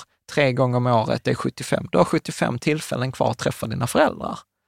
Jag tror inte vi tänker så, men nej. det är ett ganska bra sätt att säga så här, nej men jag vill göra de grejerna. Nej, mm. Och ett mer konkret sätt att göra som förenklar den här, detta är att tänka i sådana här eh, tidsbuckets, eh, alltså tidshinkar. Ja. Att tänka så här, okej, okay, men vilka upplevelser vill jag ha till exempel i femårsperioder? Att eh, okej, okay, men mellan jag är, till exempel jag är nu 42, så vilka upplevelser vill jag ha mellan 40 och 45? Vilka upplevelser vill jag ha mellan 45 och 50? Vilka upplevelser vill jag ha mellan 50 och 55? Så att man kan liksom bara göra liksom så kolumn, eh, alltså en tidslinje och så bara ja, skriva. Ja, det kanske kan hjälpa. Ja. Tycker man det är för jobbigt, att det är för kort intervall, men gör så här 30 års intervall. Så här 0 till 30, och om man är liksom 20 och lyssnar på det här, mellan 30 och 60 och efter 60. Alltså så att det är ingen, det är ingen, det är ingen rätt eh, tidsperiod att göra det, men bara det underlättar att göra så här. Ja, men gör... Man får testa lite olika sådana ja. tidsperioder. Ja, eller ta, tio, det... eller ta tio års. Ja, jag tänker snarare ett år. Alltså jag klarar inte av att tänka så långt. Ja, tre år kanske. Ja, fast det blir också knasigt, Caroline. Jag berättar för mig. Jo, men eh, alltså så här, ja, tre år. Så här, vad gör vi när barnen flyttar hemifrån? Hur vill vi ja, men jag har umgåtts lite med den, de tankarna. Ja. Men jag har bara umgåtts med Det är inte om tre dem. år. Nej, nej, det är inte om tre år, men eh, då har jag tänkt eh, så, ja, men då kanske vi bor utomlands och sådär. Ja. Jag har bara umgåtts med de tankarna. Ja. Så att det har inte blivit uppspaltat i någon tabell eller så. Nej. Eller på något annat vis. Men det, vi kan ju prata om det. Ja, men absolut. Vi kan ha en liten extra kick-off och ja. prata om det, vad som ska hända när vi är ja. 55 plus. Ja, ja men exakt. Och, och, och, och, utmaningen här är att man behöver ha det mentala överskottet som vi pratade ja. med Jonathan i ett avsnitt. Mentalt överskott, att orka tänka det. Äh, att orka tänka den här frågan, att orka ha med sig denna frågan över en middag eller en vecka eller två eller tre, utan vi ska ju vara så snabba. Jag ska svara direkt och kan jag inte svara direkt så är det en dålig fråga. Eller jag vet inte. Och så går vi vidare. Så att här när svaret är så här, jag vet inte, då, då kan man liksom hjälpa den andra och säga så här, men om du visste, om du skulle gissa, om du skulle spåna, alltså om klassiska. du skulle drömma lite eller ja. vara crazy eller... Ja. Och det är därför jag uppmanar att de här frågorna görs bäst i par. Ja. Liksom med, med din partner, eller en vän, eller syskon eller förälder. Alltså du, vet, du kan göra detta med dina föräldrar. De har ju också fem år kvar. Sannolikheten är hög att de har fem år kvar att leva. Ja, vad vill man göra i de här perioderna? Och ha det kanske som en lista på kylskåpet, fylla på efterhand. Liksom. Så tänker jag. Så vilka upplevelser vill du vara med om i olika perioder i livet? En lite mer brutal variant av den här frågan. Ja. Nu ser jag Karo så här, kolla på ja, mig. Men det är väl att, att stirra döden i vitögat och, nej, nej, och tänka så, om nej. jag skulle dött imorgon, vad skulle jag ångrat då? Så, så kan man absolut typ. göra, eller om du blev sjuk eller fick cancer, eh, liksom så här, vad skulle du göra? Det är absolut. Jag tänker så här, för oss som har barn, så är ju en, en, en bra sån här fråga, så här, hur vill du att dina barn ska minnas dig? Vilka upplevelser vill du ha tillsammans med dina barn? Alltså inte ja, att, ja. Inte att det går bort. Det sjuka är för mig då är det inte så, ah, vi skulle bestiga Kilimanjaro tillsammans och sånt. Det är inte sånt. Nej. Det kan vara. Ja. Men då är det så att, de, att eh, jag hade tid för dem, att vi lärde oss saker tillsammans. Sådana stillsamma aktiviteter är det egentligen. Ja, ja. exakt. Så, men man tror, eller jag tror, alltid att det ska vara något sånt där spektakulärt. Liksom att de kommer ihåg att man var så jävla bra talhållare eller Ja, du vet, eh, att man fixade studenten som ingen annan har gjort förut eller whatever. Liksom. Ja, jag är så, nej men jag kommer nog ha en stickkurs med mitt barn ungefär. Ja. Ja. Ja, Stillsamt. Ja men exakt. Så också en sån här fråga, hur vill du att dina barn ska minnas dig? Eller då, vilka upplevelser vill du ha tillsammans eh, med dem? Och, och det, jag, tycker så här, jag tycker detta är viktiga frågor. Ja. Eh, och här tog jag till exempel en, en sån här eh, inspiration i forumet när jag förra året åkte till Polen med då vår äldsta. För det var någon som skrev i forum så här, jag var iväg en weekend med eh, min son som var 13 och tricket, pit, liksom tricket med resan var, han fick bestämma allt. Så att, och, det, och jag tog med mig det. Vi åkte till Polen, vi satt på hotellrummet, så frågade jag, vad vill du göra nu? Jag vill kolla på Netflix på hotellrummet. Hade det varit Jan version 1.0 så var det så här, vi har för fan inte åkt till Warszawa för att sitta på hotellrummet. Och nu var jag så här, perfekt, då gör vi det. Och sen så bara, ville hon gå ut? Ja, men då gjorde vi det. Och, och nu när vi hade nyår och frågan är så här, vad var en av de bästa grejerna med 2023? Då kom ju det upp. Att, det att var, du gillade resan där? Ja, att det var bland det bästa. Ja, och jag tänker precis som du säger att det kan ju vara verkligen trist om man åker iväg och, och reser och man upplever att det är ett jävla go. Liksom. Att ja. man ska uppleva så mycket som möjligt och sen så var, sen åkte man hem. Ja. Man hann inte ta det lugnt eller hinna prata tillsammans för man hade två timmar på hotellrummet. Exakt. Exakt. Ja. Så att, eh, så att, och, och där är också, jag vill också att mina barn ska minnas att jag alltid hade tid för dem. Alltså så här, alltså, Alltså detta låter ju skitkonstigt, men om de säger så här, pappa jobbade mycket, men han hade alltid tid för mig. Då är jag så här, I nailed it. Liksom. Ja, bra. Jag tänkte göra bara liksom kort eh, reklam här. Vi har varit inne på detta med Riket Samhällsprogrammet. Så en minut reklam. Det är Riket Sammansprogrammet är eh, ett program där syftet är att göra ditt liv rikt, så som ett rikt liv är för dig. Och eh, för till exempel om vi tar 2023 deltagare så har det inneburit att man har gjort allt från att bytt jobb till att få koll, 100 koll på sin ekonomi, fått bättre relationer, man har prioriterat till exempel barnen, man har prioriterat en resa, man har, vissa har flyttat eh, bak i tiden, att de har tänkt så här, ah, men när vi är 55 så ska vi göra det där och nu gjorde de det när de var 48. Någon har räknat så här, jag kommer kunna gå i pension med min man, för jag har gjort min ekonomiska livsplan. Min man är åtta år äldre. Jag ser att jag kommer kunna gå i pension samtidigt som honom, trots att jag är under 60. Eh, där är folk som har gett bort arv till sina barn tidigare, för de insåg att det är viktigare för våra barn eh, att få en mindre summa tidigare i livet än att vi ger dem en hög summa sen. Andra skriver så här, du vet, jag umgås med mina barn utan min mobiltelefon. Alltså massor av den typen, att man har skapat sin livskompass. Jag vet vad som är mer viktigt för mig. Eh, jag oroar mig inte för pengar framgent. Alltså den typen av resultat. Och vi gör detta genom under 12 månader ha ett typ som ett träningsprogram som, att jag brukar ibland säga, det är som att gå på gymmet.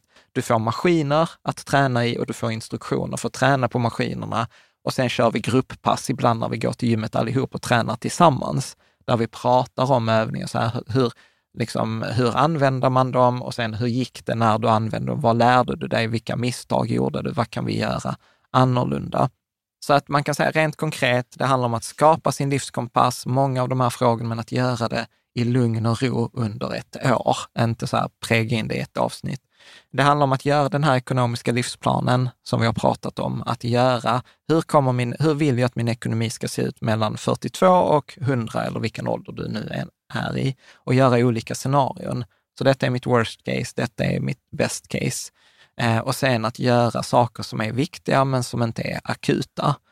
Och investeringen i detta är så här, du kommer behöva lägga ett par timmar per månad i, liksom investera i dig själv. Alltså att göra, fundera på de här frågorna, att ta den där lunchen med din partner eller med din, ditt syskon eller en vän som du gör programmet med. att prata om de här viktiga sakerna. Så det handlar inte om att du ska leverera någon rapport, utan det är mycket liksom så här, prata, fundera, reflektera. Och eh, då priset är ungefär 550 kronor i månaden, det vill säga ungefär 6 och 6 som ett gymkort i, i Malmö. Men det är faktiskt billigare än ett gymkort i Malmö eftersom du går två för det här priset. För jag tror erfarenheten från 2023 var de som gjorde det med sin partner, de tyckte det var, många var jättebra. Och sen var det vissa som gjorde det med sin vän. Så jag har ingen partner men jag vill göra detta i alla fall. Så var jag så här, ja men har du någon kompis som vill göra detta? Så jag har Lena och Lena som är så här fantastiska deltagare. Så vi har blivit mycket bättre vänner för vi har pratat om saker vi aldrig har pratat om tidigare och vi har så roligt tillsammans eh, och vi har lärt känna varandra eh, mycket, mycket bättre. Eh, så man går två för priset av en Eh, helt enkelt. Eh, finns info på rikssammans.se programmet, länk i beskrivningen. Programmet kör igång i början av 2024. Är det så att du lyssnar på detta i efterhand så går det ofta att hoppa på och jobba i kapp. Och annars så kommer vi, jag tror inte vi kommer köra 2025, men vi kommer ha en variant eh, på det, för jag tycker att de här, det är inte som att de här frågorna kommer vara mindre viktiga 2025. Så då kan man ofta lägga ett mejl till mig. Eh, så, att, eh, så att är det i början av 2024, anmäl dig till programmet. Eh, är det liksom efter sommaren 2024 du lyssnar på detta, hör av dig så kan jag berätta var vi är med det just nu. Slutreklam. Bra. Så att om vi tar ytterligare en sån här fråga att fundera på, då till exempel, vad skulle göra mitt liv rikare om jag la mer pengar eller la mindre pengar på? Så det kan också vara en sån här eh, grej. Och eh, det kan återigen... Så kan... Spara, vad, vad, vad svarar du på den frågan? Ja, men till exempel, det var ju väldigt uppenbart att eh, kameran, den där telefonen, ju, mm. gav oproportionerligt mycket energi för att det blev en ny, ny hobby. Och jag underskattade Det är inte en ny hobby, det är en hobby som du plockade upp. Liksom. Ja, du... igen. Ja, igen ja. ja. Fotograferande. Ja, och sen eh, köpte jag mig en sån här digital kurs, bli en bättre iPhone-fotograf, eh, ja. som jag ska gå nu under våren. Så att det är en sån grej eh, jag tänker, till exempel. Mm. Eh, bra. Snyggt. Eh, sen när vi pratade om eh, de här sakerna, hur man kan använda sina pengar. Jag tänkte att vi måste säga den här från avsnitt 314, där vi går igenom så här, massa olika pengaregler som är positiva för att liksom just använda sina yeah. pengar. Kommer yeah. du ihåg det avsnittet? Yeah. Då hade vi från Ramit Sethi, vi hade från Alan Roth, vi hade från eh, eh, massa finansiella rådgivare, deras bästa tips. Men två som jag gillade jättemycket, det är ju Ramit Sethi. Eh, ska du berätta hans, den här spendera ja. extravagant-regeln?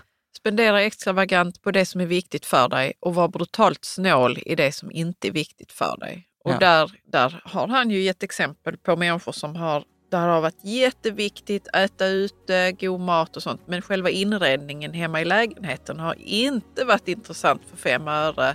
Ja. Nej, man ses ute och, och äter tillsammans och umgås ja. där. Ja. Så då har den personen lagt jättemycket pengar på restaurang och lunch och så. Men inte varit särskilt eh, alltså spendersam i sin inredning hemma. Och jag tycker det är ganska befriande Ja. För att det blir liksom inte som att man måste nå en, en viss nivå av hur det ska vara i livet för annars så blir, ser andra ner på en. Utan man väljer själv. Liksom. Återigen medveten användning och ja. vara extra, gå till extremerna istället för att vara mellanmjölk. Ja. ja. Jag gillar det jättemycket. Om man är på den som man är så här, åh Jan, jag tycker detta är jobbigt, kan du inte ge mig en sparregel? Så är det så här, Nick Maggiulli i boken Just Keep Buying så här, eh, lägg in lika mycket i ditt sparande som det du köper. Så köper du skor för 1000 kronor, lägg in 1000 kronor extra. Så du köper inte skorna förrän du har 2000 kronor. Med? Ja. Så man sparar ihop 2000. Jag den. Jag tycker den är så... Jag förstår att vissa gillar den. Ja. Men jag är så, jag skulle inte handlat någonting då ju. jag skulle nog inte det. Jan. Nej. Eh, och, ah. och, sen har vi ju sådana, exempel, vi har alltid en flaska champagne i kylskåpet. Ja, det har det, vi faktiskt. Ja. Det stämmer. Ja, så att det är lite roligt. Bra. Jag tänker så här, man kan, jag tänker vi ska runda av, men vi har ett avsnitt, eh, 294, som handlar om det här, fem saker vi ofta ångrar innan vi dör. Från eh, Bronnie Ware, som är en australiensisk kvinna som jobbade typ som hospice eh, hemma hos folk som var döende. Och hon konstaterade att det människor eh, ofta ångrar är att de säger så här i slutskedet av livet så här, jag önskar att jag hade haft modet att leva ett liv sant mot mig själv och inte det liv andra förväntade sig av mig. Och de brukar ofta säga så här, jag önskar att jag inte hade jobbat så himla mycket. Och här är en Riket Sammans-varianten på den blir så här, jag önskar att jag inte hade sparat så mycket. Att jag kanske hade använt den tiden och de pengarna till någonting annat.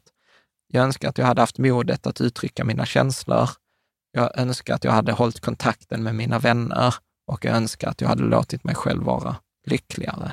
Ja, det är, de är spännande alltså. Ja, eh, och, och där Jordan Gruber som har skrivit så här, eh, typ läkarens guide till ett rikt eh, liv. Han är så här ekonomisk free fire men jobbar på hospice. Så han, liksom, han brukar, jag brukar uppmana mina lyssnare och mina följare äh, att ställa sig den här frågan. Jag ångrar att jag inte har haft tid, energi eller modet att... Punkt, punkt, punkt. Själv, ja. ja. Och fundera på den frågan redan, redan idag. Är det någonting du ångrar? Nej, men alltså i, i, i och med att vi har haft ändå den här konversationen nu under ett tag, det här med både vad man ångrar om man inte gör det och att man ska våga lägga pengar på det som man vill göra också och låta sig själv vara lycklig, så har jag ju börjat så ja men vi går den här stickkursen, ja men vi bokar de här längdskidåkningen eller man får faktiskt lov att, att uh, skaffa sig skridskor även om man inte använder dem mer än två gånger på år, om året i Malmö eller whatever. Liksom, så att jag inte är så noggrann med åh, det ska komma till sån användning hela tiden. Och, ja, men, vi kommer kanske inte sticka sen när vi har gått den stickkursen. Det vet inte jag. Nej. Utan det, jag har blivit bättre faktiskt på det. För vi har haft den konversationen gående ju ja, ja, ja. under ett visst tag nu. Ja, jag försöker ju hålla denna flaggan högt. Liksom. Ja, vad, vad, tänker du om den frågan då? Nej, men jag tänker eh, inte så himla mycket på den. Jag testar, jag är, alltså jag är så rädd för att ångra mig i framtiden, så jag testar ju mycket idag. Eh, och ibland blir det bra, ibland blir det dåligt. Eh, men ja. men eh, jag, känner mig, jag känner faktiskt inte att jag ångrar eh, så himla mycket. Nej. Jag vet att jag borde prioritera min hälsa mer än vad jag gör till exempel. För det är också så om, om många av dina utmaningar inte handlar om pengar, eh, utan det handlar om tid, ja men använd pengarna för att köpa dig tid. Och där gör vi också, jag kommer göra ett ganska stort experiment under 2024 här, men det kommer i kommande Jaha, avsnitt. Jag vet inte vad det är. Jo, det vet du. Det vet du. Ja, det är ja. bara att du inte tänker på det Men äh, vet du vad jag tänkte med den här äh, frågan? Jag ångrar att jag inte hade haft tid, energi eller modet. Att, jo, äh, det är ju att jag, jag, jag vill göra allting själv. Ja. Jag vill hålla på med saker själv. Låt mig vara i fred. Ja. Och nu så har jag insett då att det är trevligt att göra saker med andra. Ja. Ja, precis. Jag tror inte att jag hade tänkt jag, jag, tror att om jag hade tänkt så här, jag ska göra allting själv, så hade det dels inte blivit av. Ja. Alltså det kan ju vara det här att ta längdskidåkningslektion. Ah, det är bara jag som ska göra det, det spelar ingen roll. Men nu så ska jag göra den tillsammans med någon annan. Ja. Då blir det helt plötsligt eh, lite roligare. Ja, och mer på allvar. Det. Mer på allvar, ja. Ja, ja men precis. Snyggt. Det sista jag tänkte att vi ska ta, det är bara så här, vilka tids eller möjlighetsfönster har du i ditt liv just nu som snart kanske stängs? Uh, och tidsfönster uh, är ju det här att vissa saker bara är möjliga under en viss, viss tidsperiod. För att till exempel barnen bor hemma eller föräldrarna är friska eller uh, för att det passar innan vi har barn. Eller till exempel så här, mycket enklare resa med barn innan det är skolplikt eh, till exempel, är en sån grej. Eh, när efter, efter 20 så är kanske barnen inte så himla ja, sugna på, på något annat, ja. göra för att de har sitt eget Studerar liv. eller... Ja. ja. eller så här, eh, Ja, så att tidsfönster, några så här, frågan att fundera på, vilka tidsfönster har jag i livet som jag borde investera i just nu? Och då är stödfrågorna om det, för det är lite klurigt, är så här, vilka upplevelser i livet kan du ha idag som du kanske inte har, kommer kunna ha senare i livet? Hur kan du investera tid och pengar för att förbättra din hälsa för att i framtiden kunna uppleva fler saker i framtiden? Ja. Och om din begränsning är mer i tid än pengar eller hälsa, hur skulle du kunna använda pengar för att till, friställa mer tid idag? Ja. Så att, eh, så att det handlar väldigt mycket om så här, vad, vad är möjligt nu som inte kommer vara möjligt i framtiden? Jag gillar ju det resonemanget jättemycket med tidsfönster. Vilka tidsfönster har vi idag eh, som vi inte kommer kunna ha sen och lägga? För, för oss handlar det mycket om just nu, eh, liksom, vi har en 12-åring och vi har en 70-åring. Liksom, ja, det är de. Och, och det är fem ja, år. Eh, fem år. Mm. Så. Så, och avslutningsvis, sista resonemanget, bara för att runda av, är så här någonting som Bill Perkins kallar för din personliga upplevelseränta. Och då säger han så här, vilken ränta är du villig att acceptera för att skjuta upp en upplevelse? Till exempel en resa som du, till ett ställe som du har drömt om att resa. Vi säger så här, du vill resa någonstans och så kommer jag till dig och säger så här, Karo, skitbra, men vet du vad, om du reser nästa år så får du den 25 procent billigare. Eh, och och eh, då kan man säga så här, när, om man är 20, då är sannolikheten ganska hög att man tar den. Ja, ja. Eller hur? För det spelar inte så stor roll om vi gör detta nu eller nästa år. Och så spara 25 procent, alltså det är nästan att jag kan göra en liten extra bonusgrej för de pengarna. Om jag skulle säga så att du är 70, 75 eh, och jag kommer så, Carro, du vet, eh, du kan göra denna resan nästa år. Du får 25 procent av pengarna. Carro skakar på huvudet. Nej, nej. nej. Är, Vem vad, vet? Ja, då vill, man ha ganska, då vill man ha en ganska hög ränta, eller hur? Jättehög ränta, ja. Jättehög. Man vet ju inte ifall man kommer att vara kvar. Liksom. Nej. När man är dödssjuk, alltså, vad det finns ränta? ingen ränta då? Nej, då är det oändligt högt. Ja. Eller hur? Så detta är ett ganska, liksom för dig som gillar pengar och avkastning, så är detta ett ganska naturligt resonemang. Eh, men liksom så här, det visar ju att, att tiden liksom spelar roll att pengarna är inte så himla viktiga och ju äldre vi blir, desto mindre intresserade borde vi vara att skjuta på upplevelser. Eller hur?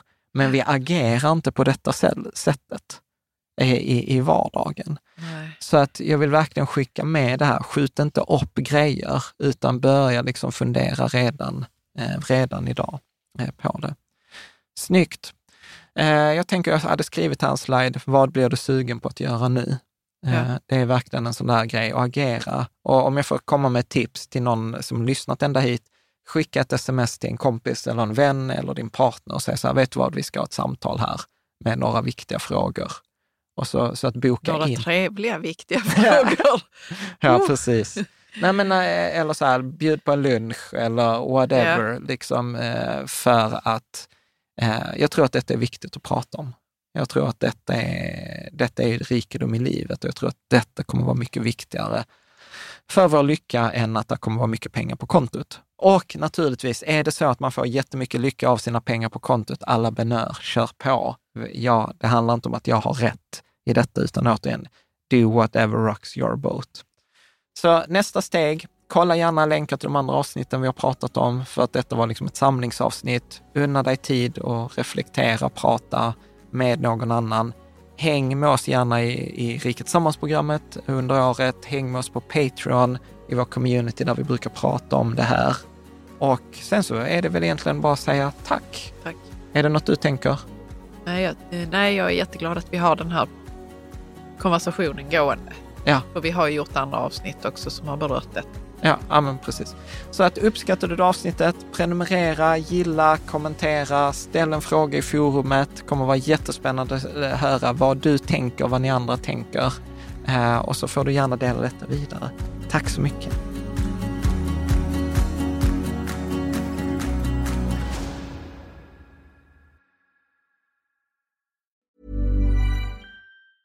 Mom deserves the best, and there's no better place to shop for Mother's Day than Whole Foods Market. They're your destination for unbeatable savings, from premium gifts to show-stopping flowers and irresistible desserts. Start by saving 33% with Prime on all body care and candles. Then get a 15-stem bunch of tulips for just $9.99 each with Prime. Round out Mom's menu with festive rosé, irresistible berry chantilly cake, and more special treats. Come celebrate Mother's Day at Whole Foods Market.